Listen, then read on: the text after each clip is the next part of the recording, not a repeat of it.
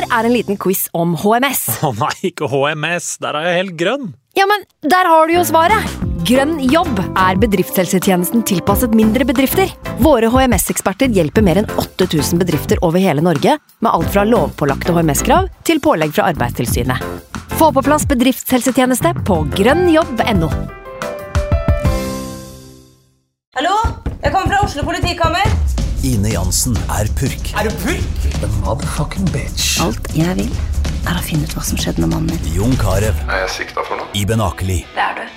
Ole So, Lars Berrum og Big Daddy Karsten. Hvem sin side er du på, egentlig? Anette Hoff, Tone Danielsen, Kommer du fra Afrika?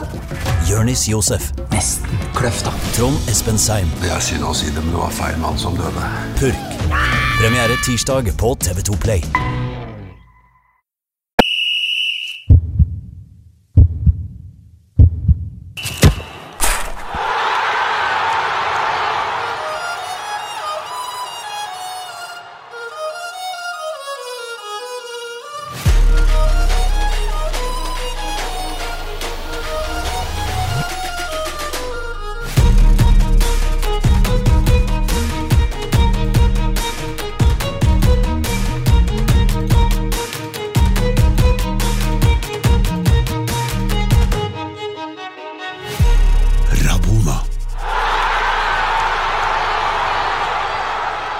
Velkommen til en ny episode av Rabona. Den tredje episoden for året og den 96.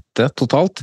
I forbindelse med poengkonkurransen vi hadde i 2023-sesongen, så ble Amal Pellegrino årets spiller, og i den forbindelse så har vi med oss Amal som gjest i dagens episode. Og da passer det bra da at vi har med oss deg i dag, Frank. Ja, det er klart at eh, Glimt-supporteren i podkasten må jo være med når vi har med en Glimt-spiller, og, og for en gjest å få med, da. Eh, Toppskårer og eh, årets spiller, det er jo helt rått å, å få han med som gjest hos oss. Jeg eh, tviler på at noen tar den poengskåren som han satt i vår poengkonkurranse. Vi kan forklare litt om den etterpå, men, men du fikk jo en liten overraskelse av Amal etter Klubb Brugge Glimt i desember. Ja, stemmer det. Vi var jo en ca. 1000 Glimt-supportere som var og så Klubb Brygge mot eh, Glimt i Brygge. og Etter kampen så kommer han Amal bort til tribunen og kaster drakta opp til meg. og Den eh, har jeg rett bak meg her nå. Eh, Lytterne kan kanskje ikke se den, men eh, en kampbrukt eh, drakt, og det setter jeg veldig stor pris på at han heiv opp til meg. Det, det, det, rørte meg, for å si det sånn, da. Jeg ville heller tatt det som et hint hvis jeg var deg og begynne å ha på meg drakt når jeg er på kamp. Det, men, eh, men hvor viktig har Amal eh, vært for Bodø-Glimt og den suksessen som klubben har hatt, syns du? Nei, jeg føler jo på mange måter at tallene hans snakker jo for seg sjøl. Det hva det var, 24 mål og 14 assist nå. Det er ny poengrekord eh, i antall målpoeng i løpet av en sesong. Det er jo helt vanvittig. Og så, han, han er jo en sånn type spiller som selv en, på en, kall det en dårlig dag for eh, Glimt, der det kanskje står og lugger litt, så bare har han den evnen til å se det, det hjørnet, den ene vinkelen, og bare også en fot og bare curle den inn. og på en måte sørge for at en kanskje en vanskelig uavgjort blir til en seier. Han er liksom en spiller som kan vippe kampen i din favør, for han har ekstremferdigheter både på avslutning og, på, og en råskap i angrepet, angrepsspillet sitt. Helt enig. Eh, Men eh, før vi tar inn dagens gjest, så må vi si at eh, dagens episode er sponsa av Fundamental Workouts, en PT-tjeneste som jeg benytter meg av i dag. Ja, hvordan har eh, treninga gått i siste tida? Treninga har gått veldig bra, men jeg sliter med å komme i gang med riktig kosthold etter jula. Altså, for, men nå må jeg virkelig opp på hesten igjen. Men eh, det er ikke det viktigste. da. Hovedmålet mitt er jo å få en bedre hverdag med mer energi, så jeg kan eh, ja, være litt bedre humør og bruke mer tid på å leke med barna. Mer ork til dagligdagse gjøremål hjemme, blant annet. Og eh, der er jeg en helt annen person i dag enn jeg var i november, for å si det sånn. Ja, så du har tid til å sende snaps at du gjemmer deg bak gardina når du leker gjemsel med ungene. Det, det er greit. Men det her er en digital PT-tjeneste. Det er ikke en PT som er med deg på treningene. Hvordan fungerer det? Vi har en app hvor Håkon, som er min PT, er inne og legger opp øktene. Under øktene så har jeg appen opp hele tida, så jeg fører inn antall kilo, reps og sett som jeg tar. Sånn at jeg vet eh, til neste økt da, hvor mye jeg skal øke med. For det er jo om å ha progresjon eh, hver eneste trening. Så, eh, så det er noe som har fungert veldig bra. Og progresjon den eh, har du gradvis hatt nå siden du begynte? Har hatt progresjon hver eneste økt i eh, ja, de seks-syv ukene, tror jeg det har holdt på. Så, og det er også progresjon eh, når jeg ser på meg sjøl i speilet, da, eller går på vekta. Så som du som lytter på, sliter med kosthold, trening, energi eller hva det nå er, så anbefaler jeg deg å investere i denne tjenesten for å komme i gang. Og etter en periode med PT-tjeneste, så er man høyst sannsynlig sjøldreven.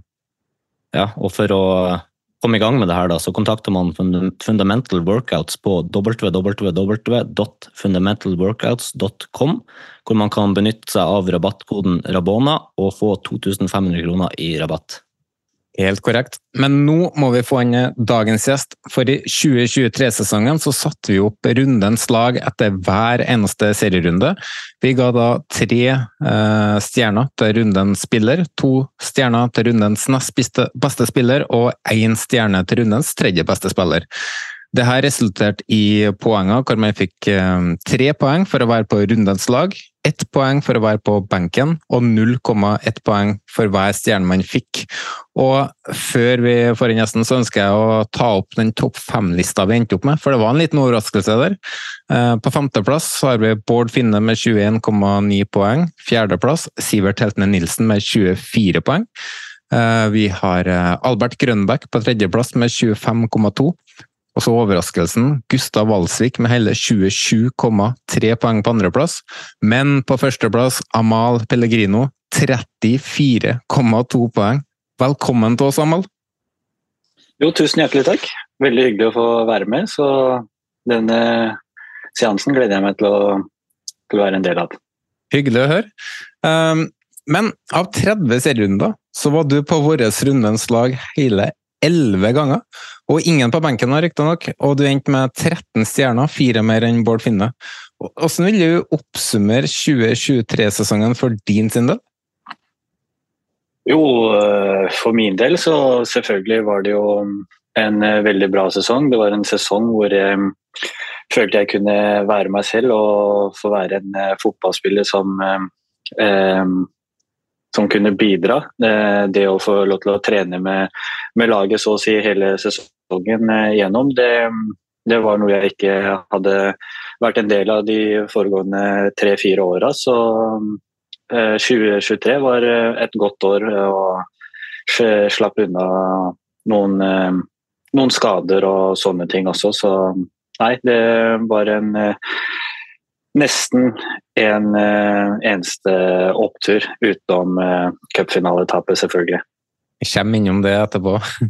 ja, ferien, er over, ferien, er jo over, om kort tid. Hva har du benytta ferien til å gjøre? Er det reising og avslapping, eller har det vært hardtrening? Ja, det har vært uh, veldig mye trening. Jeg har prøvd å være minst mulig i Norge. Så dette er eh, dag fire i Norge siden eh, vi kom hjem fra Bruggerkampen. Så eh, det handla egentlig bare om å få stykka opp hverdagen og ikke føle at man er i den bobla med treninger hver eneste dag og sånne ting. Så, og med tanke på at ferien vår er såpass kort som den er i år, så var det viktig for meg å ikke være hjemme. Så jeg kom bare egentlig hjem for å feire jul. og og dro kjapt ut, eh, ut, igjen. Så er jeg tilbake igjen til Bodø i morgen, og da er på en måte hverdagen i gang igjen. Når du dro kjapt ut igjen, var det pga. graderstokken på Østlandet, eller? Mm, ja, ja, selvfølgelig det også. Eh, men det handler jo om at eh, når man er i Bodø eller i Drammen, så føler man ikke at det er ferie.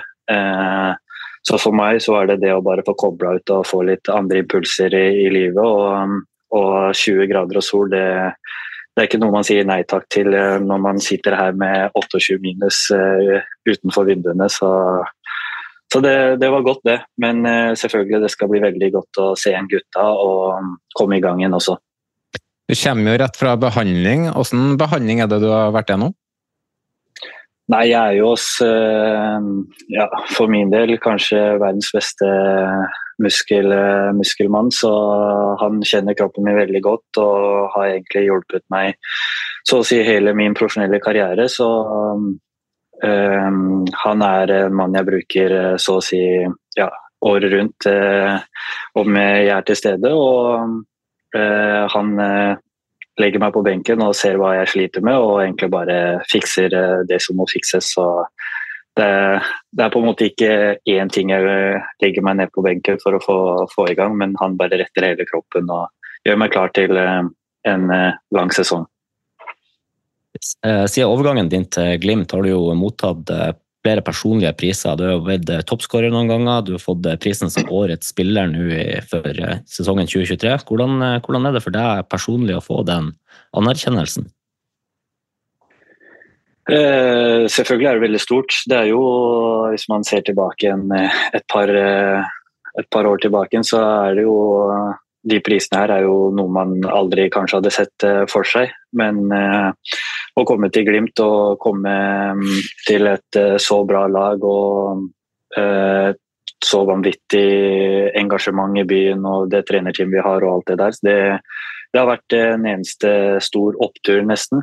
Eh, selvfølgelig med noen nedturer, men eh, de to og et halvt året jeg har vært i Glimt, har jo føltes ut som jeg har vært i klubben i 10-11-12 år. og Du har fått oppleve så sinnssykt mye, og vi spiller jo nærmere 100 kamper eh, hvert år nå. Og det Ja, det, tida mi i Glimt, det, det, har vært eh, noe av det sjukeste jeg har vært igjennom. Og det desidert eh, største høydepunktet også. Det kan jeg som supporter også skrive under på at de siste årene de har føltes som et evigvarende eventyr, rett og slett. Hva tror du er den største faktoren bak suksessen din i 2023? Uh, selvfølgelig, jeg spiller jo på et vanvittig godt lag, så, så man får veldig mye gratis der. Men um, for meg så er det det med at eh, jeg har fått bidra såpass mye som jeg har fått gjort i år på feltet, og jeg kan trene og på en måte bruke en hel treningsuke på å komme i form. Og, og når man havner i den flytsonen med å litt mål også, så på en måte så går jo bare ting eh, veien hele tida. I fjor var det jo mer sånn at eh, spilte kamp søndag, eh, restituerte hele uka for å være klar igjen på søndag, fordi jeg sleit jo såpass mye med akillesen og klarte jo så vidt å gå uten eh, piller og alt sånn. Og da på en måte havner du aldri i en eh, flytsone, og du får liksom ikke Uh, ting du havner i på trening, det gjør du jo i kamp også, og du får liksom ikke den den eh, biten der. Uh, så man havner aldri i en, i en flytsone. Og det er kanskje det som er den største forskjellen i år. Jeg føler på en måte at uh, du er på, på, mange måter i din livsform nå, da, nå som du på en måte har fått bukt med skadene og får lov til å delta hele veien? Ja, ja, og det er jo det er jo ikke alle som på en måte tåler uh, den treninga vi, vi er igjennom uh, i løpet av et helt år også. Og det å på en måte se at kroppen tåler å være med på den mengdetreninga vi driver med, og spille tre kamper i uka også, det, det viser at man har gjort noe riktig utenfor banen òg. Så eh, det beste jeg gjorde for min egen del og min karriere, det var den akillesoperasjonen. Og så har jeg trent godt eh, ved siden av og vært flink til å passe på kroppen og restituere godt og sånne ting. Så, og det er noe jeg er eh, veldig jeg, jeg, må være flink til, med tanke på at um, søvn er ikke akkurat uh, det som uh, um, jeg får mest uh, ut av i min, min, hverdag.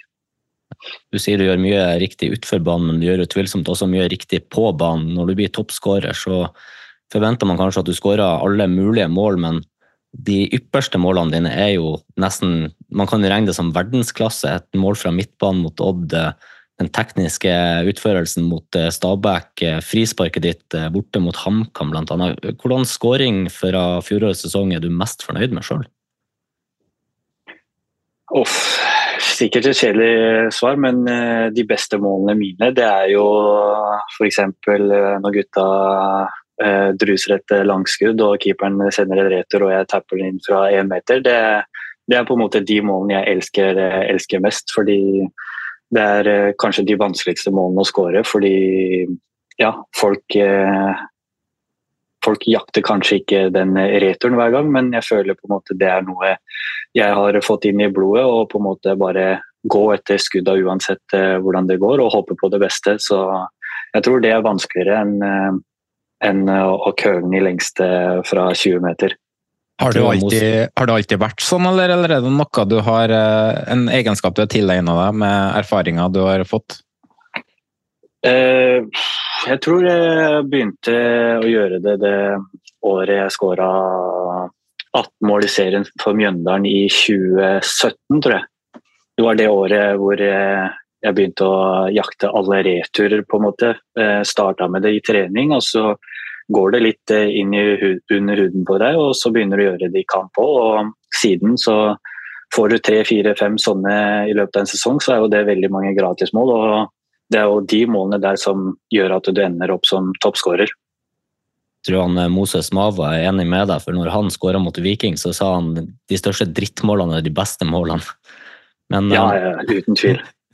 Men eh, med all suksessen eh, du har oppnådd de senere årene, føler du noe måte, økt press og forventninger på deg, og eventuelt er det press du trives med? Nei, jeg har ikke noe press. Jeg vet jo hva hva jeg har eh, Si f.eks. 2023, jeg vet jo hva jeg oppnådde i 2023, men det, for min del så handler det på, på en måte om å overgå det.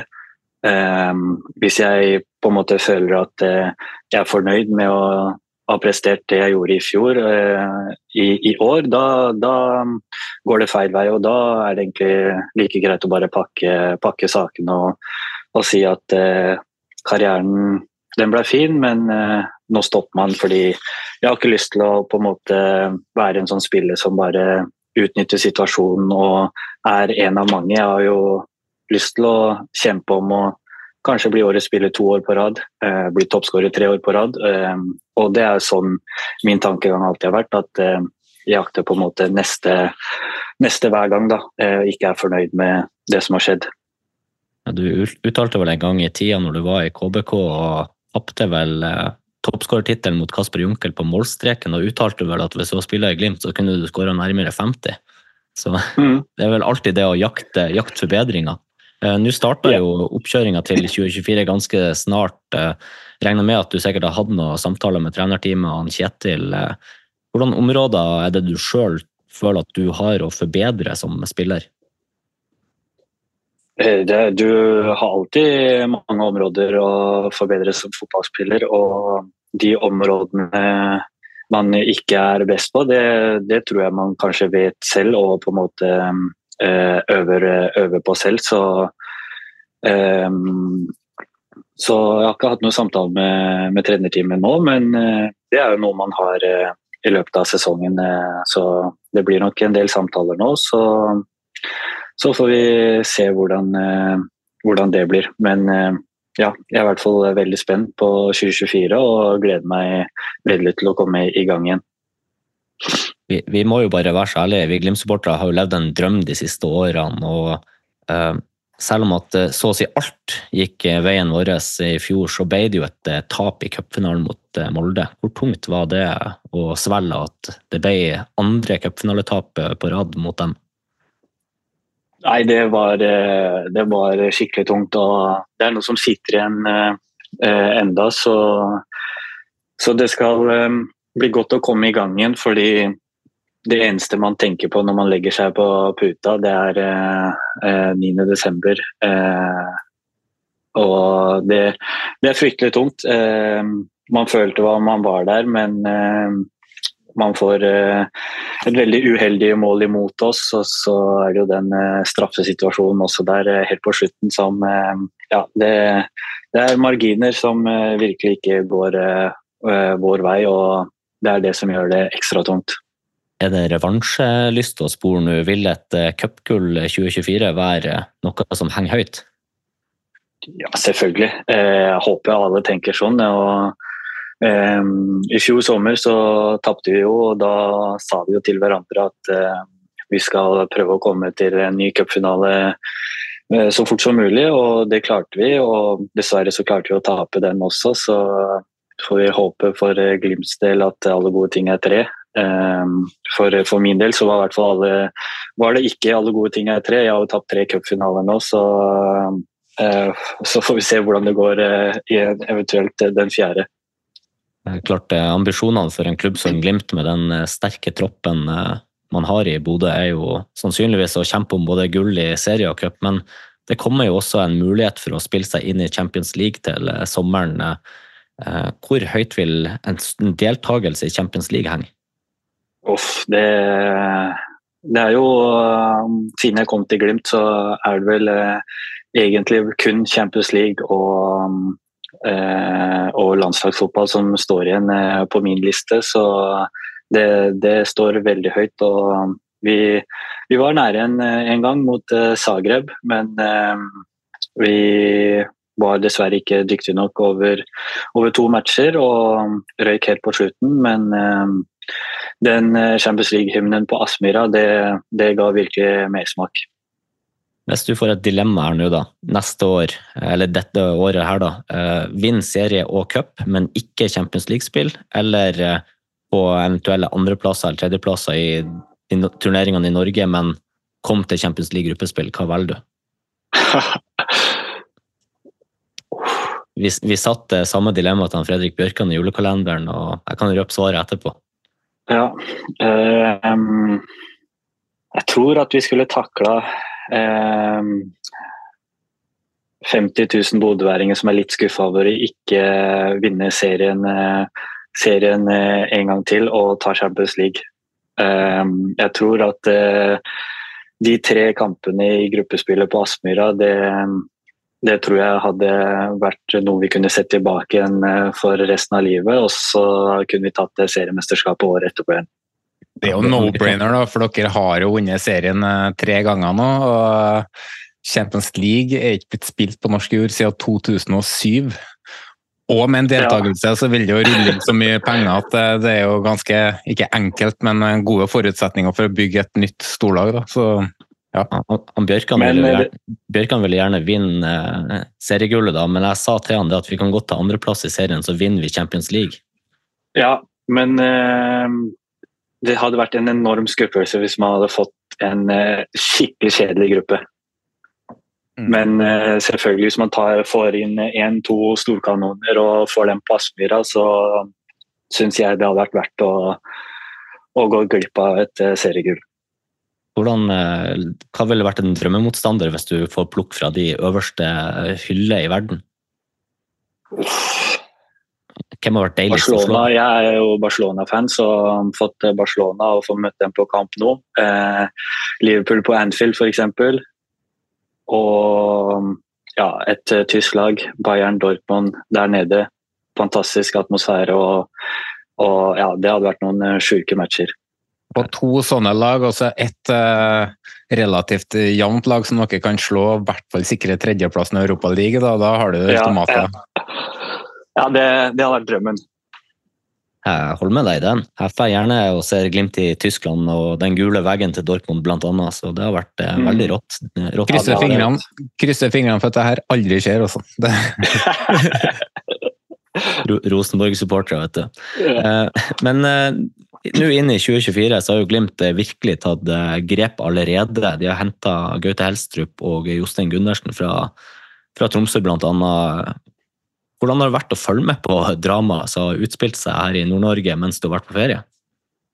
Nei, eh, det tikka jo opp fra TV 2-sporten at de erfarer at Gundersen var klar, og så plutselig gikk det én-to timer, og så var jo plutselig Helstrup klar også.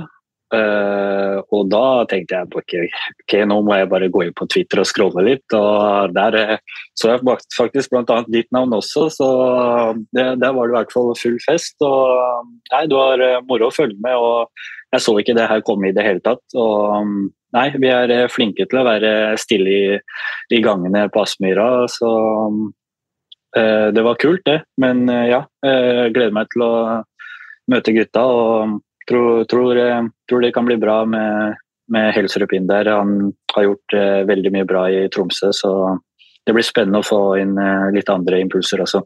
Du som er en angrepsspiller, hvordan blir det å få en trener da, som kanskje er mer defensivt orientert og ønsker struktur i det?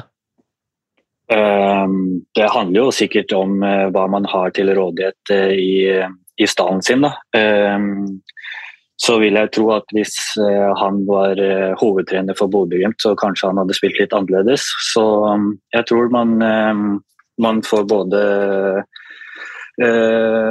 noen gode ting i det kanskje den defensive råskapen de har hatt. Og så tror jeg også han har veldig mye å bidra med i det offensive også. Så nei, jeg tror det kan bli veldig bra, og jeg tror ikke at du ser Bodø-Glimt i en femmer i 2024 uansett.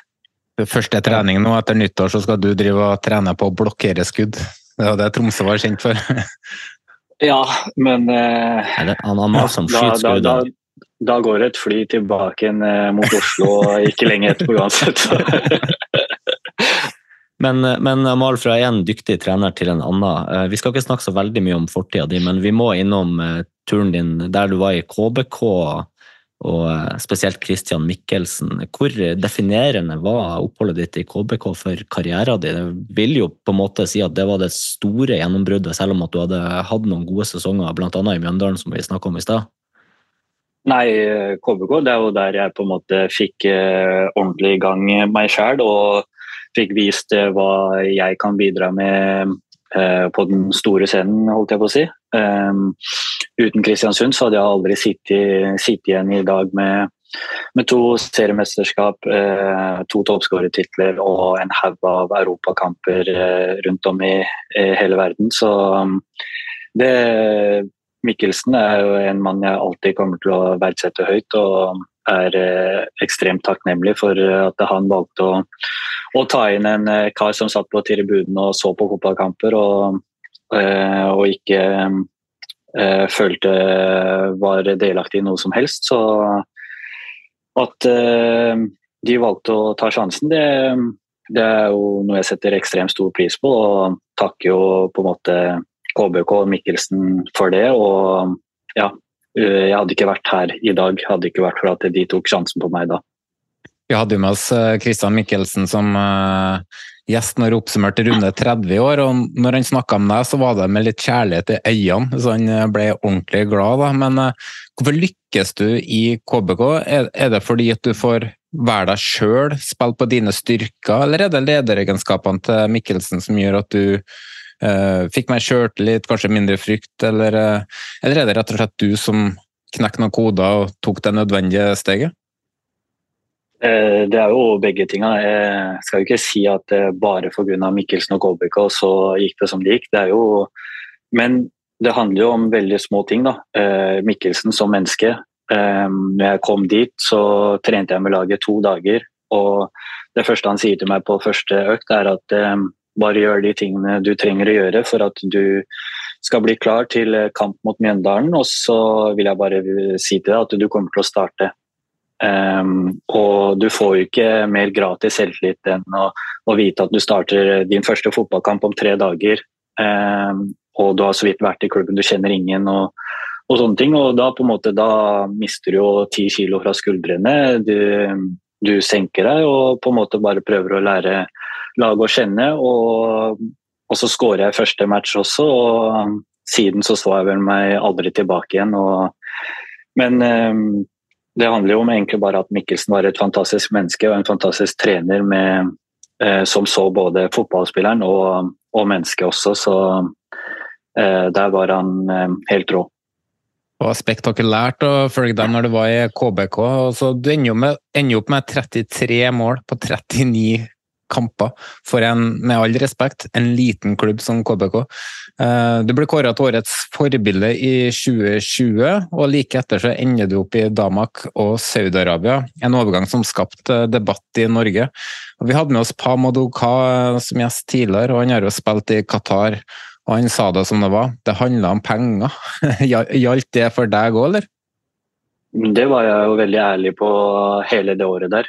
Eh, og jeg hadde et uh, året før um, den sesongen jeg skårer 25 mål, så sier jeg at uh, jeg håper at jeg får en enda bedre sesong, og at uh, jeg kan jakte en kontrakt som gjør at jeg kan forsikre meg og min familie litt. Og hver gang man hadde et intervju etter man hadde gjort det litt bra og interessen begynte å komme, så sa jeg at jeg kommer aldri til å dra fra KBK for å dra til eh, Nederland og tjene litt bedre. Eh, for meg så er det enten noe som er økonomisk altfor bra til å takke nei for, eller så er jeg veldig fornøyd med å være her jeg er. Og når sesongen var ferdig, så um, hadde jeg litt interesse fra Kina, men når korona kom, så var jo Kina så å si stengt ned. Og um, da blei det ikke noe konkret derfra. Og da var det eneste jeg hadde på bordet, var uh, to tilbud fra Saudi, og um, det var et, et av dem jeg takka ja til. Og det er um, noe jeg står for den dagen i dag. Og ja, det handla kun om penger. Men Har du forståelse for hvorfor det blir debatt om det temaet i Norge, i lys av den boikotten til Qatar f.eks., og Saudi-Arabias syn på f.eks. menneskerettigheter og den slags?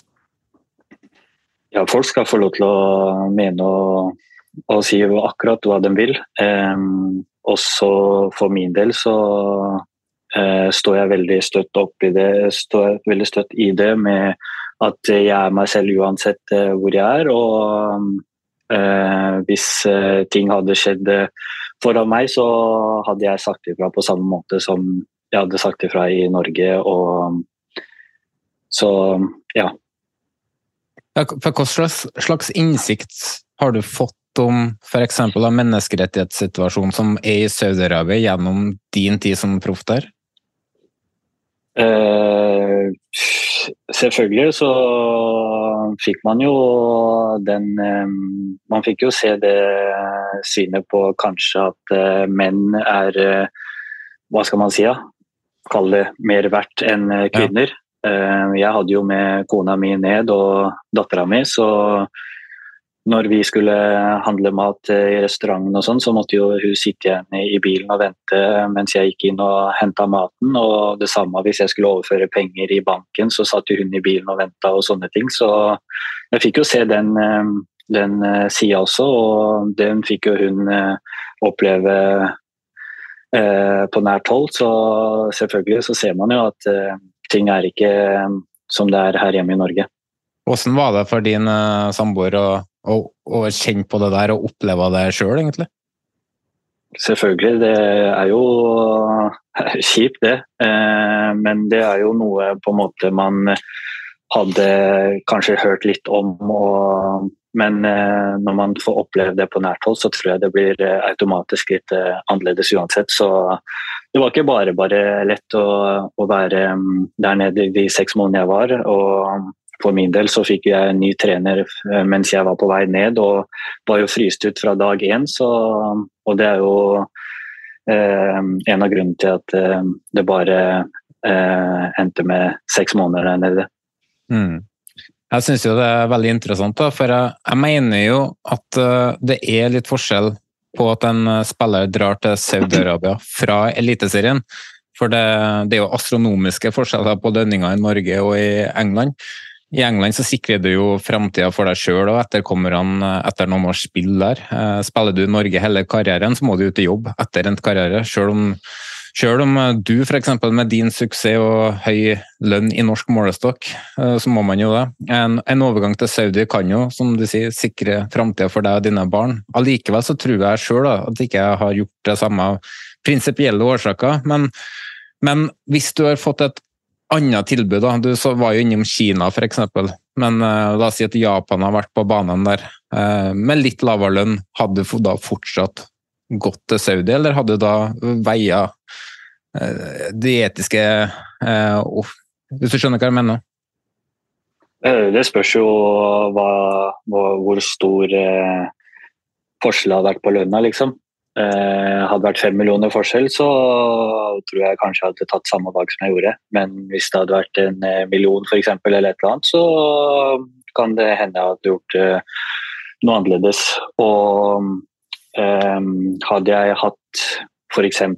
den lønna jeg har hatt de siste årene i norsk fotball siden jeg var 18 år også, så hadde jeg jo aldri trengt å, å dra ut fra Norge heller. Så men um, jeg har um, spilt eliteseriefotball i fem-seks sesonger. Uh, og har tjent bra i, i tre sesonger. Så uh, Og er oppvokst i, i 55 kvadratmeter med fem stykker og sovet på um, soverom med tre brødre. Eh, så for meg så handla det mye mer om kun meg selv. Det handla om å, å, gi gi noe tilbake til min mor etter alt strevet med oss fire gutta. Og, og selvfølgelig så har jeg fått min egen familie med min kone og mine to barn, som jeg prøver å gjøre alt for at de skal ha det de trenger i sin oppvekst. Det er jo noen som sier at man ikke skal mikse sport og politikk, men det, eh, det, det er jo nesten umulig. Eh, for det, det, ser man jo hvordan Fifa opererer på, at eh, de mikser jo opp de to tingene. Men hvilken rolle har sport og idrett i å adressere sosiale, politiske og kulturelle utfordringer som finnes i land som Saudi-Arabia? Hvordan, hvordan opplevde du selve kulturen når du var der? Uh, ikke noe Det var ikke noe sånn at vi måtte snakke om noe som helst eller uh, noe. Det var uh, For alle oss som var fra utlandet, så var det egentlig bare um, dra på trening. Dra hjem igjen til på en måte vår kampanje, den internasjonale kampanjen. Så vi bodde jo på en måte ikke i byen sammen med alle andre. Så vi bodde jo egentlig bare med alle andre turister. Så det var egentlig bare å komme seg hjem igjen og, og vente til eh, neste trening, egentlig. Eh, et siste spørsmål på det. Du sa jo at du, du var jo bare der i seks måneder, og så dro du hjem til Norge. Fikk du hele lønna, eller? Jeg fikk 16 av 18 måneder. Så du, av å være der i seks måneder? Så du har egentlig bare ja. dratt penger ut av Saudi-Arabia, og så har du dratt hjem? Den er. Ja, jeg bare delte litt med Norge med tanke på at jeg betalte litt skatt eh, hjem igjen, så Ja, det er sant. Eh, I sommer så var det jo et eh, rykte om interesse for deg, og det ble vel sagt at Glimt hadde avslått et bud. Hvor, var, du, var, du, misfornøyd med det, eller hvordan var den prosessen for deg?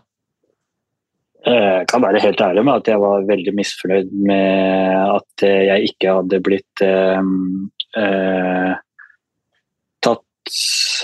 at jeg ikke fikk delta i, oppi det hele.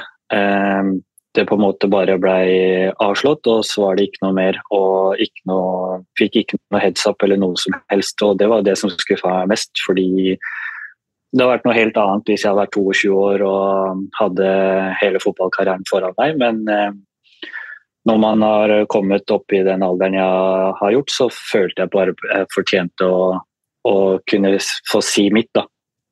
Avgjørelsen ble bare tatt på kontoret, og du ble ikke involvert i det hele tatt. Det er riktig å forstå? Ja.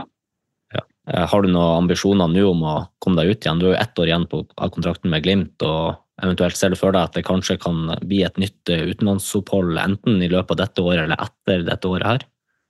Uh, mine ambisjoner er egentlig bare å spille, spille såpass bra at uh, jeg gjør meg selv attraktiv uh, i utlandet. Så Eh, eller at eh, jeg gjør det såpass bra at jeg får en ny lengre kontrakt i, i, Glimt. Så jeg er veldig fornøyd med å være i Glimt. Og, men selvfølgelig, det, det, gir noe ekstra når man eh, spiller såpass bra og man får interesser i, i mange forskjellige land og ja, litt kule, kule ligaer også. Så det gir mersmak på å fortsette der man slapp, på en måte.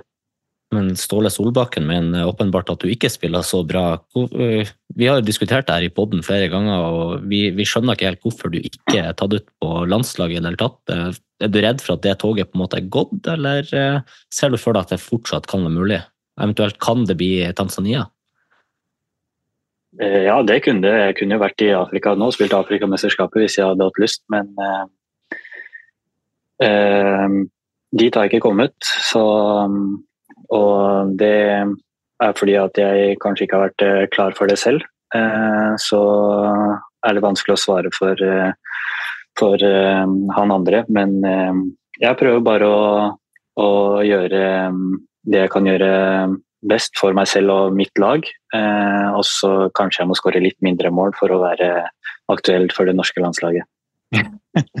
Men Frank var inne på, på om du eventuelt skulle gå videre. da.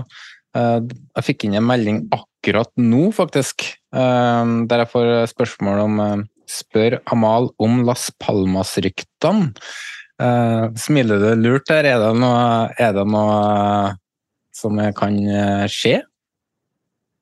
Nei, det vet jeg ingenting om. Det, jeg har en fin agent som jobber med den biten der. Og så var det som jeg sa, det er kult å se interesse som kommer fra kule ligaer. og Las Palmas spiller jo for en, for en kul liga, så ja. så det eneste jeg kan gjøre, er å fortsette å levere levere det jeg har gjort eh, eh, fram til nå. Og så har jeg lyst til å bli bedre for, eh, for hver gang jeg entrer en fotballbane. Så det er det eneste jeg kan si akkurat nå, og det er ikke noe konkret eh, som jeg vet om akkurat eh, nå nå. Ja. Um, vi hadde jo en uh, i, i, forbindelse med vår Spleis, da, til Hope Stars. For dem som er nysgjerrige på hva det er for noe, så kan jeg ikke gå inn på veldedighetsepisoden som vi slapp i romjula. Eh, den har slukna litt, den spleisen vi hadde, eh, men eh, vi har bevisst hatt en liten pause grunnet fokus på mye annet, så nå skal vi gutse på igjen på sosiale medier. Og på eget initiativ så sendte vi oss en melding du Amal, hvor du sa at du gir bort ei signert drakt og et par signerte fotballsko om vi bikker 20 000 eh, på innsamlinga. Det er du klar for å gjøre? Ja, kan eh, bidra med, en, eh, med, et par drakter og et par fotballsko så lenge vi bikker For hver 10 000 vi bikker, så På hver 10 000? Det er bare å si. Ja. Så det, den, den skal jeg ta fra egen lomme. Det er jo fantastisk, så jeg er sikker på at Glimt sikkert har et par drakter de bare kan gi bort òg. Eh, men uh, det, er, det, er, det, er, ikke noe som heter å gi bort i Glimt, bare så det er sagt. ja, men uh, det er jo utrolig sjenerøst deg, og sånne små ting som det her kan jo bidra veldig mye. Vi har jo sjøl donert 5% av det vi fikk inn i fjor, og det var rett i underkant av 8000. Og så på Spleisen så har vi fått inn rett i overkant av 12 000 kroner. Det her er jo penger det, altså, uh, det her er jo penger som skal gå til fotballaget Hope Stars for at vi skal få de til Norway Cup.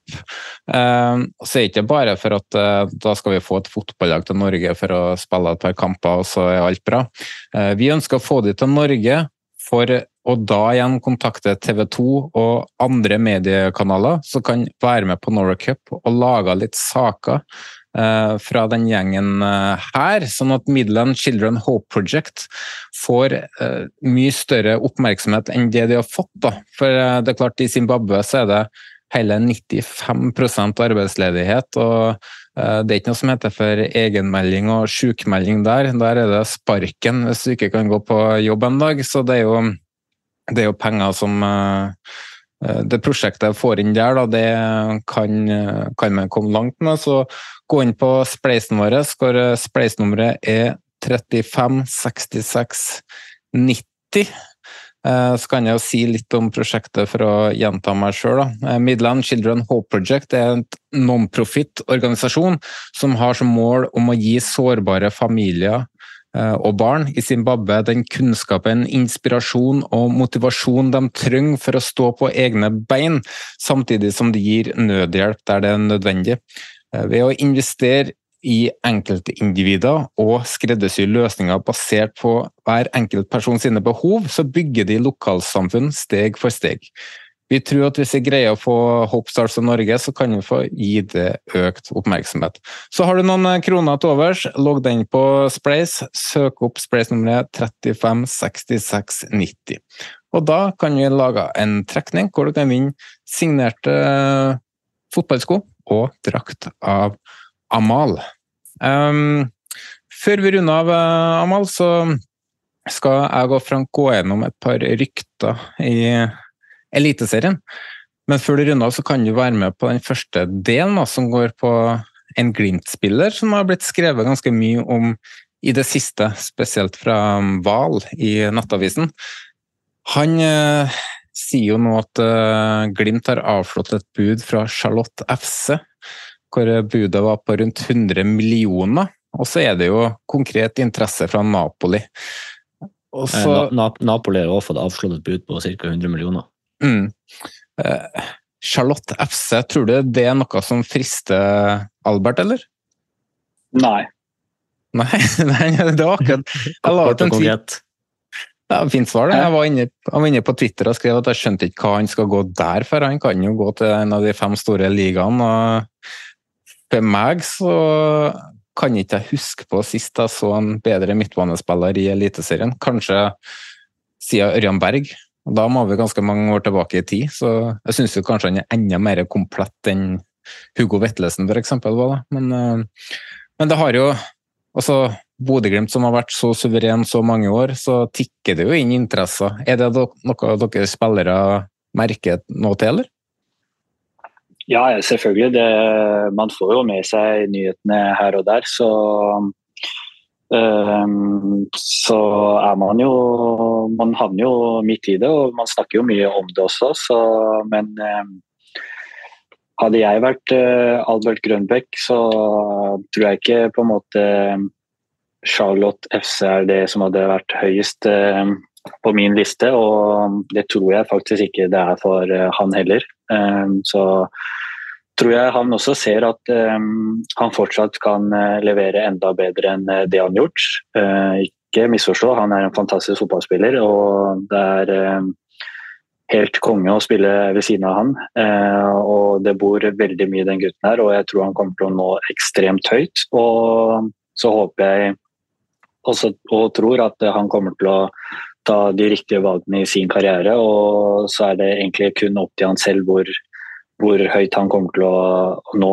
Um, fordi hvis du hadde spurt meg, så tror jeg han kan eh, nå veldig høyt. Og tror til og med større klubber enn eh, Napoli kommer til å signere han. Det er godt å høre deg si det, for jeg diskuterte det med flere på Twitter i dag. Jeg mener jo klart at drar han til Napoli for et halvår på å komme inn i kulturen og treningsregimet på, så tror jeg han kan herje i serien. Altså. Såpass god mener jeg i hvert fall at eh, Albert Grønbæk er. Jeg håper jo det skjer. Så at de har muligheten til å kneppe inn noen poeng på dere for Eliteserien, men uh, uh, Charlotte FC er jo gjerne den klubben man drar til når man skal avslutte karrieren. Så selv om det sikkert har Kanskje vært dit han og Mal skal dra etter hvert. ja. Avslutte karrieren Nei, med det, Pablo det, er jo, det er jo litt, eh, litt eh, Kanskje det bildet jeg også ser på meg. da. At eh, han Vi alle har jo drømmer når vi vokser opp. og jeg vet ikke om det er eh, Old Trafford eller om det er Anfield eller hva han heier på, men eh, jeg tror at du havner litt lenger unna de klubbene der hvis du tar et sånt karrierevalg såpass tidlig når han er så ung. Men eh, man må jo også huske at eh, vi fotballspillere har en karriere, og det er ikke så mye som skal til før det går den andre veien også. Så det er veldig mye å tenke på. Og så må man jo også se på hva som blir konkret. Eh, hvis Charlotte FC er det eneste som er konkret, så må man jo nesten vurdere det på den måten. og, og fordi hvis man takker nei, og så plutselig har man et dårlig halvår, og så blir eh, all interesse kjølna litt ned. og det er jo det positive med fotballen, er at går det bra, så kommer interessen veldig fort. Går det dårlig, så kjøler interessen. Så det er veldig mye å, å tenke på. Så vet jeg at han har eh, gode agenter og en fin familie rundt seg som han kan drøfte disse tingene med. Så um, er det egentlig han, hans valg sammen med sine nærme nærmeste. så må han jo være ambisiøs og ha trua på egne ferdigheter òg. For jeg, jeg tror jo ikke at han er så fryktelig langt unna å eh, være med på det danske landslaget, f.eks. Og får han noen kamper der, da er veien kort, da. Til de store ligaene, hvis han ønsker en stor liga eh, tidlig og ikke en mellomsteg som eh, Pellegrino Nei, som eh, Hugo Vetlesen tok. Men uh, Amal, tusen takk for at du stilte opp som gjest hos oss. Det har vært en fornøyelse å ha deg med, og vi ønsker deg masse lykke til i framtida. Og som Rosenborg-spiller så håper jeg naturligvis at din framtid er i en utenlandsklubb, så Per Mathias Ødmo, bare å ringe. Jo, tusen takk for at jeg fikk være med. Det var veldig hyggelig. Så snakkes vi snart igjen.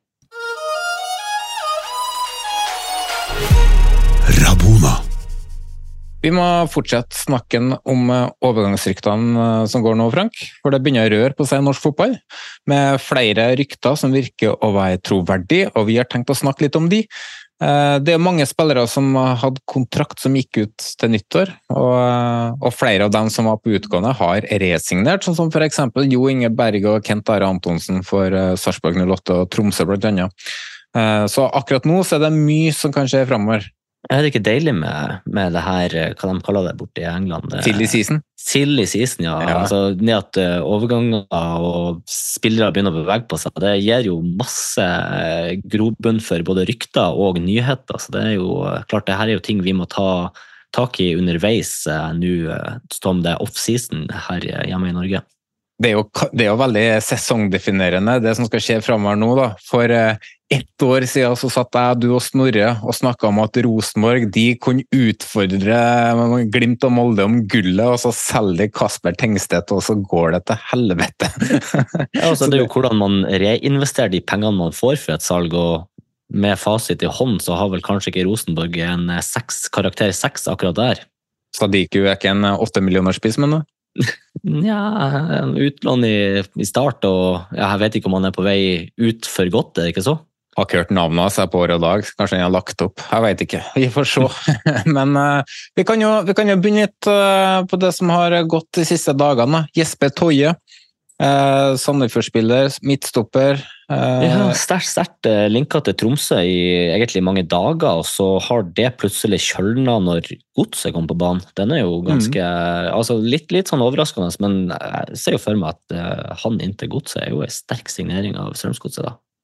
Ja, også Godset er jo ganske bra på dødball, i hvert fall uten å ha sjekka statistikk på det der. Så er mitt inntrykk av at de er veldig gode på dødballer med Gustav Walsvik der, og får inn Jesper Toje, som er utrolig Og så Wilsvik sin innleggsfot i tillegg. Ja, ja, ja. Og så har du jo dødballfoten til Stengel. Altså. Men Toye Toje er jo enorm i eh, luftrommet, da, og så syns jeg at han tidligere var ofte en stopper som hadde en tendens til å gjøre feil. og Det så man tidlig i sesongen her at han var involvert i noen baklengsmål i ny og ne. Men jeg hadde, jo, jeg hadde jo Bentre klart hvis han gikk til Tromsø. Det var jo, ja, Nå har Tromsø henta en uh, stopper, og bare se på den uh, grove stopperfeilen han gjør før Tromsø skårer og vinner mot dem oppe på Romsa på seint uh, i sesongen. Men Jesper Så, Toje han, han løfta seg veldig i løpet av sesongen og hadde en veldig god sesong for, for Sandefjord. Så Sandefjord kan jo faktisk ende opp det nå med å miste midtstopperduoen de har hatt siden Monfoss gikk til Lillestrøm. Eh, så der der må bygge på virkelig på jobb, da. Eh, og så vet vi jo at Sandefjord er jo ikke en steinrik klubb hvor man har solgt lite med spillere. Eh, siste, sist, eller gjennom tiden, egentlig.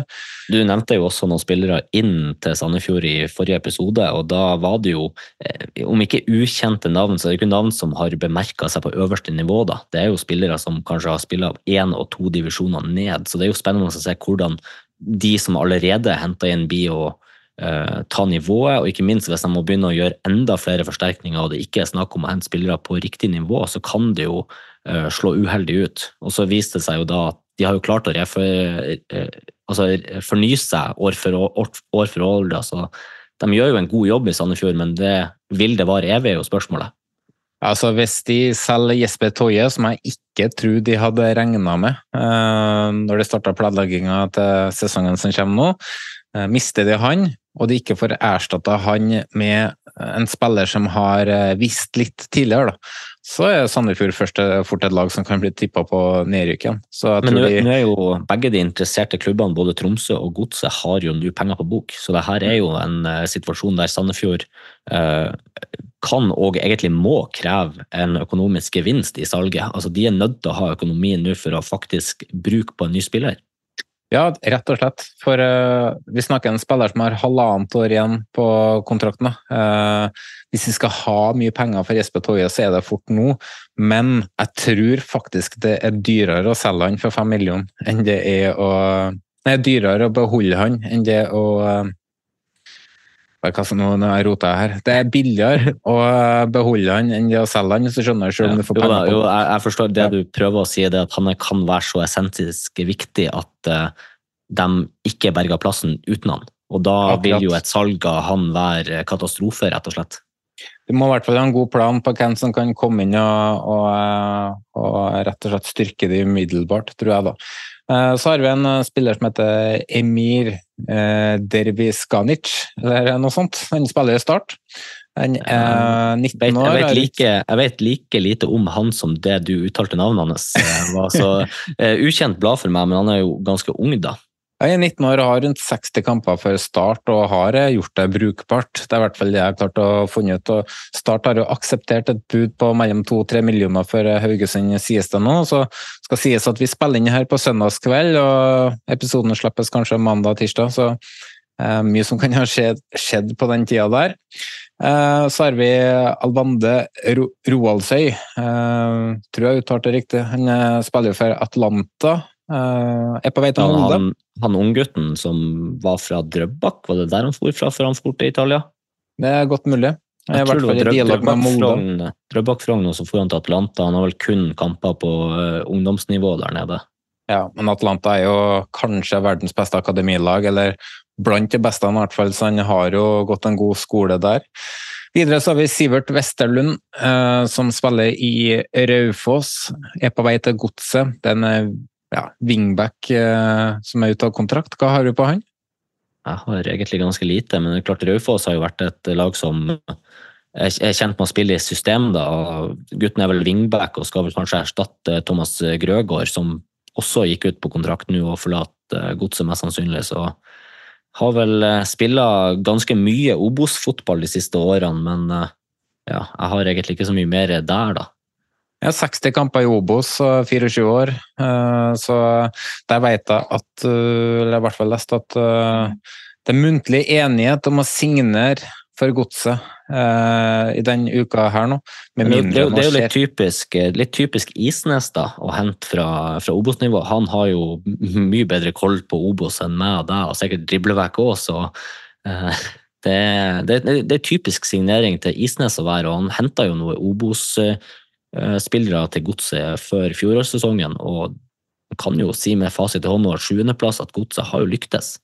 Og skyte inn der at, eh, at Isnes har jo også vært trener til Espen Toje i Koffa tidligere, så eh, bare for å ha nevnt det. Eh, Når vi er inne på godset, da, så har jo eh, Haldor eh, de har jo Haldor Stenevik som er på vei til Molde. En litt overraskende Det, det, men det, ikke, det ble vel avslått, det første budet. Har, hvordan er det? Er det oppfølgingsbudet? Er det noe mer dialog der nå, vet du det? Har ikke noe akkurat nå, men jeg vet jo at hvis Molde har veldig lyst på han, så får de den. Eh, Molde har mye penger å bruke, og så vet jo Molde at de er nødt til å bruke det. Så Og Haldor Stenevik er jo også en spiller som allerede har visst at han tar eliteserienivået. Han har jo eh, vært eh, relativt bra for godset nå, så at Molde jakter den type spillere er ikke overraskende. Nei, og det er jo der jeg har kritisert Molde litt eh, i fjor, da. På at, eh, på at de har gått litt ut av eh, den oppskriftsformelen sin på å hente eh, ungt, utviklingsbart, eh, og få forma de og gjøre de bedre, og så selge igjen. Eh, Molde har jo etter hvert nå fått en veldig høy snittalder på standen sin, så det her er i hvert fall et steg i riktig retning når det gjelder signering. Da, da er de tilbake der de har vært. Så legger vi jo merke til at eh, Molde nå er tidlig på ballen når det gjelder å styrke stallen. For der har det jo blitt litt kritisert, eh, spesielt i fjor. Videre så har vi Ulrik eh, Fredriksen, eh, Haugesund-spilleren uten kontrakt. Han, Han gikk. og Ja, han gikk vel gratis til godset nå, eller er den bekrefta? Det er bekrefta? Ja, er den bekrefta? Nei, den er ikke bekrefta. Ikke sist jeg sjekka. Men det var godset som har tilbudt han kontrakt? Var det så? Ja, så spørs det om eh, de skal både ha han og eh, Jesper Toje. Begynner å bli litt stoppere borti Drammen nå, så vi får se. Eh, Jasper Silva Torkelsen, hva har du på han, eh, Frank? Jasper Silva Torkelsen har jeg egentlig ganske lite på. Er en, han er vel fra start, han ikke det? Mm. Så hva, hva er budet der? Er det Et bud på rett over to millioner fra Haugesund. Eh, Her snakker vi en av de største keepertalentene i eh, Norge. Eh, og med Haugesund som har, etter ja, skal vi si vår, vår mening, ligaens beste keeper Egil Selvik. Ja, men Selvik har ett år igjen på kontrakten nå, og har vel, sånn som jeg har forstått det, er det ikke gitt store indikasjoner på at han blir å forlenge? Nei, men det kan jo bety at det jobbes for et salg, i og med at de er ganske aggressive på å få henta Jesper Silva Torkelsen. Det har jo vært flere bud på bordet der. Start ønsker jo opp mot fem-seks millioner for keeperen, så de kan betale noen uker med strøm. Uh, og så vet jeg at uh, FK, FFK Fredrikstad har lagt inn et bud på noe. Så det kan skje ting med Jasper Silva Torkelsen, men det er utvilsomt et stort keepertalent. jeg fikk se han et par kamper for start i sesongen som var, 2023. Og det er virkelig en keeper jeg har trua på, for han var framme i skoen, offensiv keeper. Høy. Uten å sjekke høyden så så han veldig høy, stor ut. Bra skuddstopper, bra med ball i beina. Eh, offensiv og modig i feltet. Og er du modig og tør å gå ut i feltet, så blir du god til slutt. Så det er en keeper som fort kan være en landslagskeeper i framtida. Så eh, hvis han går til Haugesund, så fullfører de eller fortsetter de den gode keepertradisjonen de har på Haugalandet. Så det er litt spennende. Det, det er sant. Det har jo vært eh, tradisjon for å utvikle gode keepere i Haugesund. Da. så Det er jo kanskje et riktig steg i så måte. Spesielt sånn som Start eh, driver klubb eh, nede på Sørlandet. Det er jo helt katastrofe. Nå, nå hørte jeg jo et rykte om hørte jo et rykte om at det var noen amerikanere også ville inn i start med Jesper Mathisen i spissen, så vi får følge med den saken òg, uten at jeg har så veldig mye på det, da. Jeg er helt Texas der, så nei. Eh, vi går videre. El Hajim Malik Dioff. Eh, det er vel bare formaliteter unna nå at han blir Slavia Praha-spiller, er det ikke så? Stemmer. Eh, det er vel signert en eh, totalpakke på 30 millioner, men venter da på godkjennelse av visum. Eh, så kan jeg ta noen, Det er tre Rosenborg-saker. Det var Rasmus Widerson Paul som endelig er på vei bort fra Rosenborg. Han går da tilbake til Halmstad. Og jeg har forstått det sånn at det er en avtale som eh, verken Rasmus eller Rosenborg tjener så mye penger på at det gjør noe. Eh, men eh, Kanskje riktig minst... for han å komme til en klubb der han får spille, da? Ja, for, for meg så er det viktig å bare uh, få han bort. Det, det, det er egentlig selve symbolet på, på Rosenborg sin overgangspolitikk siste fem årene. For det har Ble han henta under Hareide, eller var det rett før? Hareide og Dorsin som henta han, så vet ikke jeg hvem som har ansvaret, men uh, men det er klart at eh, det, det var en dyr signering ut ifra hva han har levert, og han har ganske bra lønn nå, av en merkelig grunn. Så henta fra nivå to i Sverige i sin tid. Men målskårer, det skal han pinadø ha, altså. Så, men litt mer spennende så er det Olaus Skarsheim, som eh, har vært linka til Bulgaria før jul. Og så har det blussa opp igjen nå. Det er snakk om CSKA Sofia, Eh, med tanke på Spennende, spennende eh, klubbvalg i så fall. Hvordan er, er ryktet der? Da? Er det snakk om salg, eller? Ja, det, jeg tipper det går mot salg, for Rosenborg eh, altså Skarsheim har nok ikke den høyeste markedsverdien, selv om man har et brukbart potensial. Men så har jo Rosenborg 600 midtbanespillere, og, og, i tillegg til at de har økonomiske problemer. Så hvis det kommer et OK tilbud på bordet der, så kommer Rosenborg til å selge. Så det tror jeg Broholm òg tilbake fra lånet i KBK. Kan jo bekle både indreløper og kant. Det har jo vært spennende å se en sånn type spiller på indreløperen med mye fart og god teknikk til å dra seg forbi midtbaneledd og kanskje skape ubalanse. Ja, Så har du Henriksen tilbake fra skade, som uh, man fortsatt ikke vet om han blir indreløper eller stopper. og Jeg håper jo at han uh, blir brukt som indreløper. Uh, så da, De har jo nok midtbanespillere å ta av eh, Rosenborg, så um, vi får se. Tenk, du da Henriksens indreløper, og kanskje at han blir mer en, en balanserende indreløper, mens man får en nypan mer fri offensiv i den andre indreløperen? da? Nei, Det spørs jo litt på hva, hvordan de skal spille, da, men han spiller jo ganske med to rene indreløpere. Uh, jo, jo men det, det, er kanskje en fordeling i type arbeidsoppgaver der én indreløper er litt mer offensiv enn den andre. Der har jo han Henriksen har rutiner til å skjønne når laget skal være i balanse og ikke. Ja, Får inn mer rutine, og så får du inn eh, defensiv kraft på midtbanen. Eh, generell kraft. Og så har jo Henriksen visst tidligere at han er en eh, målskårer òg, men nå er det noen år siden han spilte indreløper, så vi får se. Spennende å se det i hvert fall, hva, hva som skjer. Og siste på Rosenborg er jo da Jonas Svensson, som har spilt det meste i Tyrkia i år, men som kontrakten allikevel ble avbrutt nå til nyåret. Sjøl om han hadde et halvår igjen. Eh, der vet vi at eh, samboeren og barnet til Jonas Svensson bor i Trondheim. og det, Hvis jeg ikke tar helt feil, så hadde det noe pga. jordskjelvet som skjedde. Uh, altså Av frykt så flytta familien, så har Jonas fortsatt å bodd i Tyrkia. Uh, så har det vært uh, heftig link til Besjiktas der i de siste dagene. De Besjiktas trenger jo å forsterke seg, det så man jo i høsten. Glimt, Glimt var og ja, Jeg skal ikke si ordene, men hadde kjørt over de rett og slett. Ja, vi får se, da. Jeg håper jo altså Det er mange sterke meninger uh, rundt at Rosenborg skal hente hjem en tidligere uh, gamling, men han er jo ikke en gamling. og så trenger Rosenborg-laget rutine nå. Det er et veldig ungt lag. De hadde den yngste snittalderen i Eliteserien i sesongen som var. Jeg tror, ikke, jeg tror ikke det er noe problem å hente inn en som er kall det gammel i gåsetegn. Jeg tror problemet er mer hva er det økonomiske i det hele. For Rosenborg har ikke økonomien ut til å begynne å lønne enda en spiller med altfor mange millioner. Nei, det, det, kan ikke gå over budsjettet her. Så hvis han skal komme hjem, så må han spille etter den lønna. Ut ifra hva Rosenborg har prestert siste årene, så får de heller legge på noen bonuser da, hvis de skal lykkes sportslig igjen. Men jeg håper jo eh, at eh, Svensson eh, tar turen hjem, og at det blir en kontrakt som er akseptabelt da, fra Rosenborg sin side. Men jeg skal gi meg en tidligere Rosenborg-spiller òg. Gjermund Aasen. Hva er det som har skjedd der, Frank? Nei, det er kanskje den, den, spilleren som er mest aktuell å snakke om akkurat nå, ut av alle de her spillerne som gikk ut av kontrakt ved nyttår. Det er jo fortsatt en håndfull spillere som står ledig på markedet til å signere med hvem de vil, da. Men Gjermund Aasen har jo gått ut av kontrakten med Lillestrøm. Uh, blitt observert på Sarpsborg stadion. Uh, da, jeg tenkte jo da at ok, her er det jo Han skal vel inn og erstatte Maigård, som gikk ut på kontrakt i Sarpsborg igjen. Jeg tenkte her er kanskje en fornuftig signering av uh, Sarpsborg hvis de får landa han. Og så går det to dager, og så plutselig uh, har det snudd, og da går ryktet om at han blir å resignere med Lillestrøm. Da. Så vi får jo se hva siste uh, endringene der blir. Det kan jo hende at han har signert for en klubb når episoden kommer ut, men siste ordet er i hvert fall det at det kanskje blir Lillestrøm videre på Gjermund Aasen.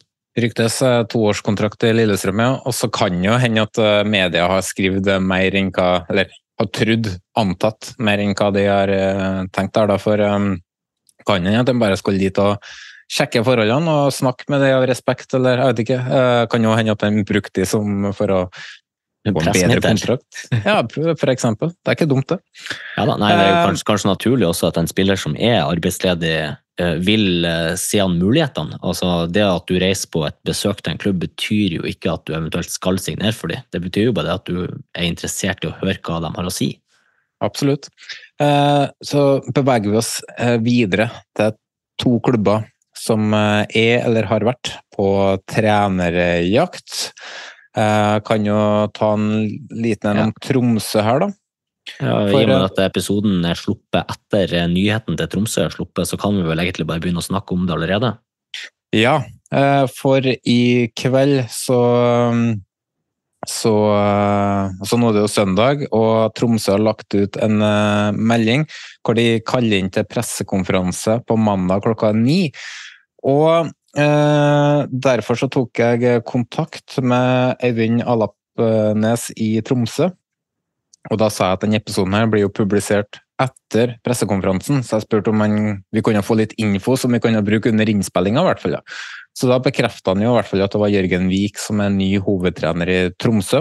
Og det var, litt, det var litt av det vi også trodde tidligere, at det kom til å gå den veien. Og hvis vi ikke hadde fått den infoen, så er jo det vi ville kanskje spekulert i, hvert fall. Selv om at eh, vi har jo også hint, altså snakka litt om andre trenernavn, så det er jo Men eh, ja, du kan jo bare fortsette det hadde vært dumt å snakke om Magne Hoseth som potensiell Tromsø-trener etter at Jørgen Vik var bekrefta. Eh, Øyvind informerte også om at de har et eh, veldig bra team på plass nå, og at de ville bruke god tid og ha en grundig prosess for å finne en assistenttrener til Jørgen. Den prosessen skulle være solid, og de stressa ikke med noe avgjørelse der. Og per i dag er det flere kandidater på bordet, samtidig som Jørgen skal ha sitt å si i den prosessen. Uh, når det gjelder Jørgen Vik, så visste jeg ingenting. Uh, alt jeg visste, var egentlig navnet hans. Jeg, visste at han var assistenten til han Gutte Elstrup i fjor. Det er på en måte der jeg òg ligger, men jeg forsto det sånn at du snakka med Ruben Yttergård Jensen og Morten Killingberg blant annet, for å få litt informasjon. Ja, det stemmer. Ruben sier jo at Jørgen er faglig veldig sterk, og han har sjøl erfaring som spiller. Han var en, var en, keeper som var veldig god med ball, en god skuddstopper og veldig god i futsal. Og han trodde òg at hvis han har vært noen centimeter høyere, så kunne han ha spilt på det aller eh, høyeste nivået. Og som trener så er han eh, faglig sterk og ser veldig mye fotball. Og akkurat det hadde, hadde Ruben et veldig godt eksempel på, for eh, de hadde et møte før ei økt med frispilling. Og da ble spillerne i Tromsø presentert et klipp fra tyrkisk fotball på nivå to som inspirasjon, og det sier jo en hel del om hvor mye Eh, forskjellige han henter inspirasjon fra. Da. Så sier han også at han er lik Gaute Helsrud på mange måter som leder, altså tydelig og rolig. Morten eh, Killingberg, eh, han veit eller jeg sier at han er høyt verdsatt i spillergruppa, og klubben er veldig fornøyd. Han har mye av æren for Tromsøs utvikling av spillet. Utad så fikk Helsrup veldig mye av æren, men Vik skal ha like mye. Like mye fotballnerd som Helstrup, men flinkere med mennesker, sier Morten. Morten sendte noen screenshots fra Tromsø, i tromsø.no, hvor flere hadde uttalt seg om Jørgen Vik, og der ble han beskrevet som det som Ruben sa, hvor de eh, tilførte at han jobber på detaljnivå, da, og at han er en uh, fotballnerd. Og ut fra infoen som jeg klarer å få, da, eller som jeg har fått den kvelden her, så er det veldig spennende. Jeg syns det minner veldig om Rosenborgs nye trener Alfred Johansson. Tenker da på at det er en ung trener som, eh, som tenker fotball på en litt annen måte enn den eldre guiden. Bare skyt, skyt, inn der da, Jonas, når du nevner Alfred Johansson, så er det jo noen, av lytterne våre som har eh, spurt oss om hvorfor vi ikke har snakka mer om eh, Rosenborgs nye trener. Og vi kan jo da på en måte røpe at det vil komme en eh, Rosenborg-spesial eh, nå Eh, mest sannsynlig i løpet av januar, senest i første del av februar. da. Er ikke det det som er planen? Ja, jeg har et uh, møte med Jørgen Stenseth, medieansvarlig i Rosenborg, i løpet av uka her nå, hvor vi skal planlegge og se på hvordan vi skal gjøre det. For det er snakk om å spille inn flere av delene når de er på treningsleir, hvor de har litt mer dødtid enn uh, og er samla, da. Så ja. er det, det, var, det var ikke meninga å avbryte du må bare fortsette. Det var bare sånn at vi får skjøte inn til de eh, lytterne som faktisk eh, spør oss om eh, Rosenborg sin nye trener, så har vi ikke glemt av han heller. Altså. Det, det vil komme et dypdykk. Absolutt ikke. Jeg har møte med Rosenborg, Brann og Glimt denne uka her, hvor vi skal diskutere litt klubbspesialer framover. Som da ja, det vil, det vil komme ut på rad rekke nå etter hvert, og så skal vi bevege oss litt mot uh, Sandefjord, Koffa, uh, blant annet ganske tidlig nå. Fredrikstad, Fredrikstad ja. KBK. Må, KBK, ja. Vi må ta i hvert fall de nyopprykka lagene og bli bedre kjent med oss, så vil det komme noen klubber. Vi skal i hvert fall forsøke å få med alle gjennom hele sesongen, så får vi se når det kommer. Men eh, nå i preseason så kommer flere. Så har vi Odd, da, som også er på jakt etter uh, ny trener. Og uh, hvem er det som har blitt linka inn der, da, Frank? Nei, det var noen par-tre-fire navn vi klarte å plukke opp. Så, eller det har vel kanskje vært nevnt flere, men det var vel de fire mest aktuelle var vel Jan Peder Jalland, Hans Erik Ødegård, Louis Pimenta og Christian Mikkelsen. da. Eh, og så fantes det vel også muligheter for internløsninger der òg, som en Knut Rønningene og Martin Reier. Men eh, vi har ikke så voldsomt mye informasjon der ennå. Men man ser jo blant annet eh, det kan jo bli enda en sånn her, kall det rivalovergang, da, hvis Hans Erik Ødegaard skulle velge å skifte fra Sandefjord til Odd. Det har jo skjedd et par ganger det siste året. Det er året før det. Men Eh, altså, hva tenker du? Hva burde Odd eh, gå for? Det er et godt spørsmål. da. Klart at uh, Luis Pimenta er jo en offensiv 4-3-3-mann. Det blir jo litt å gå tilbake til sånn som man kjente Odd uh, før Paco, kan man si. Han la jo om til en 3-5-2-formasjon der. også. Men jeg forbinder jo Odd med 4-3-3, angrepsfotball, litt sånn som så Rosenborg, Bodø-Glimt og de typer lagene. Det er jo det jeg tenker på når jeg tenker på Odd. og Eh, klart, eh, Pimenta er jo 4-3-mann. Hans Erik Ødegaard er 4-3-3-mann. Eh, Christian Mikkelsen spilte vel eh, litt forskjellige formasjoner, men har jo vært innom 4-3-3 der òg, eller kanskje mer enn 4-5-1-variant. Han var jo kanskje litt mer defensiv i tilnærminga til 4-3-3, men det er jo noe spennende navn, og det ser jo ut som at de vil tilbake til det som på en måte jeg tenker på når jeg tenker på Odda, som er 4-3-3. Ja, vi får, eh, vi får se. Uh, igjen må jo Det høres ut som en ordentlig Magne Hoseth-lover her, men uh, for jeg nevner jo han hver gang en uh, klubb skal ha ny trener. Men jeg syns jo det er litt rart at ikke han blir nevnt i denne sammenhengen her, hvor han står egentlig for litt av det samme som Paco gjør, kanskje enda mer offensiv òg til meg. Så, det, men det Odd virkelig trenger nå, det er jo en trener som eh, eh Vi husker jo tilbake til Odd, når de hadde Dag Ella Fagermo. Han bydde på seg sjøl hele tida, han meldte i media, han gjorde seg litt uspiselig her og der, men han skapa blest da, rundt klubben. Og det siste året eller to Odd er jo gått fra å være hvit til grå de siste årene, ja. Ja, de har det. og, og Uh, ikke vondt ment om Paco, jeg liker han veldig godt. Uh, og det hadde jo denne overgangsspesialen hvor vi prata med Paco. Husker du den videoen der han skulle selge sesongkort i fjor? ja. ja. men det illustrerte jo det illustrerte ja. jo Odd sin sesong og hvordan det var å se Odd spille fotball. Bånnsolid defensivt, trøst, trist og kjedelig offensivt. Og så løsna det litt de siste to kampene. Jeg tror de skåra åtte-ni mål de siste to. Men men, eh, men, eh, vi ser det jo litt på engasjementet og entusiasmen rundt Odd, at de trenger en eh, fyr som tør å melde litt, og som tør å spille offensiv fotball. Ja. Og jeg husker jo Christian Mikkelsen fra KBK-tida. Var ikke det at han var kjent for sånn offensiv, blendende fotball, men han begeistra, da. Han, han, han bydde på seg sjøl. Jeg tror kanskje det er en sann uh, personlighet Odd trenger nå. En som, uh, en som, media har lyst til å ha tak i. Og Christian Mikkelsen er en sann type. Så i tillegg også, også er jo han, Mikkelsen er jo faglig sterk. Ja, han, han, er jo en dyktig trener, men det, det, det, begynte jo å gå litt imot han eh, på slutten av tida i KBK. og Det merka man også på humøret hans, at det gikk litt imot han. Altså, han, var jo en mann som var pressa mot veggen, og til slutt så bukka det under, rett og slett. Og jeg tror at han har fått uh, den pausen han kanskje trengte, og er klar for en ny oppgave. Så kan jeg at han har lært noe av den motgangen nå, da. For vi jeg òg reagerte på det at han kanskje ikke så ut til å takle det presset like bra som han takla medgangen, hvor han var skal ikke si høy og mørk, men Man har vært i en konstant medgang egentlig for hvert eneste år så gikk de første jeg husker ikke, åtte, ni, ti årene av trenerkarrieren sin, så tok han liksom ett nytt steg inn i trappa hver eneste sesong, og så plutselig så var det eh, ble det hull i neste steg, og han ramla gjennom trappa. Det var jo det som fortsatte. Det var det. Eh, men igjen, jeg mener i hvert fall at eh, det er en sånn type som eh, Odd trenger akkurat nå. En som, en som tør å by på seg sjøl, rett og slett. Men skal vi si at det var det, eller? Ja, det begynner vel å bli kveld her nå, og kan vel like greit runde av. Kvelden er jo Bodø hele tida, og har ikke sett sola siden november, sikkert. Men Nei, Kanskje før det òg. Ja.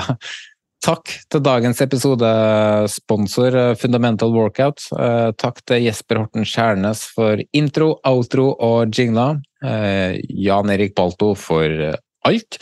Så minner vi om spleisen til Hope Stars. Vi er tilbake neste uke, da med Torstein Helstad og forhåpentligvis Snorre Feldal, hvis dere har hørt om han. Hei rå! Ha det godt.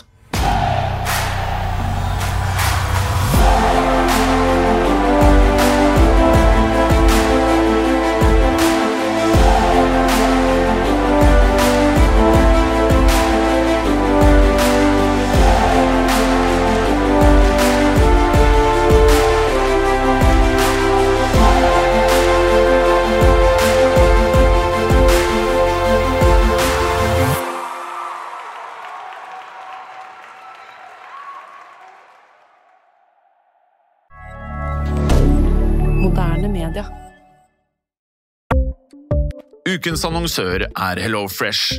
HelloFresh er verdens ledende matkasseleverandør og kan være redningen i en travel hverdag. Mange av oss har nok vandret i butikken både sultne og uten en plan for middagen, som ender med at vi går for de samme kjedelige rettene gang på gang. Middag burde være dagens høydepunkt. Som Hello Fresh kan du nå velge mellom 25 ulike retter hver eneste uke, eller få Hello Fresh til å sette sammen menyen for deg. Dette gir deg muligheten til å prøve nye og spennende retter alene eller sammen med familien. Du velger antall porsjoner og får alt levert på døren på et tidspunkt som passer for deg. Oppskriftene er enkle, og maten er lett å lage både for store og for små. Ved å få alt levert hjem får du også mer tid til å dele matgleden med familie og venner. Kanskje det frister med asiatiske tacos eller greskinspirert kylling?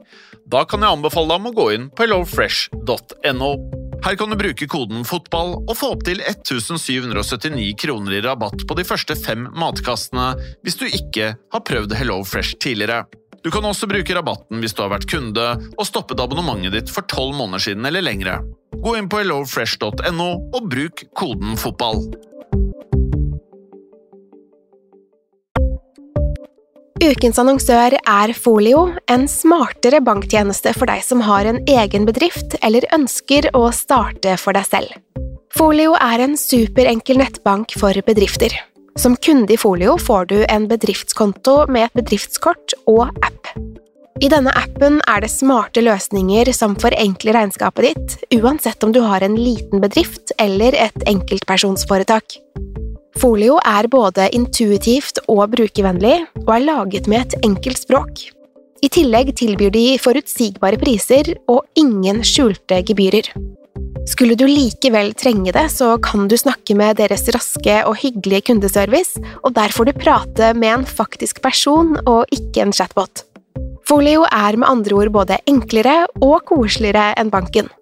Over 10 000 bedrifter har allerede valgt Folio som sin banktjeneste, så besøk folio.no og se hvordan Folio kan forenkle din hverdag også.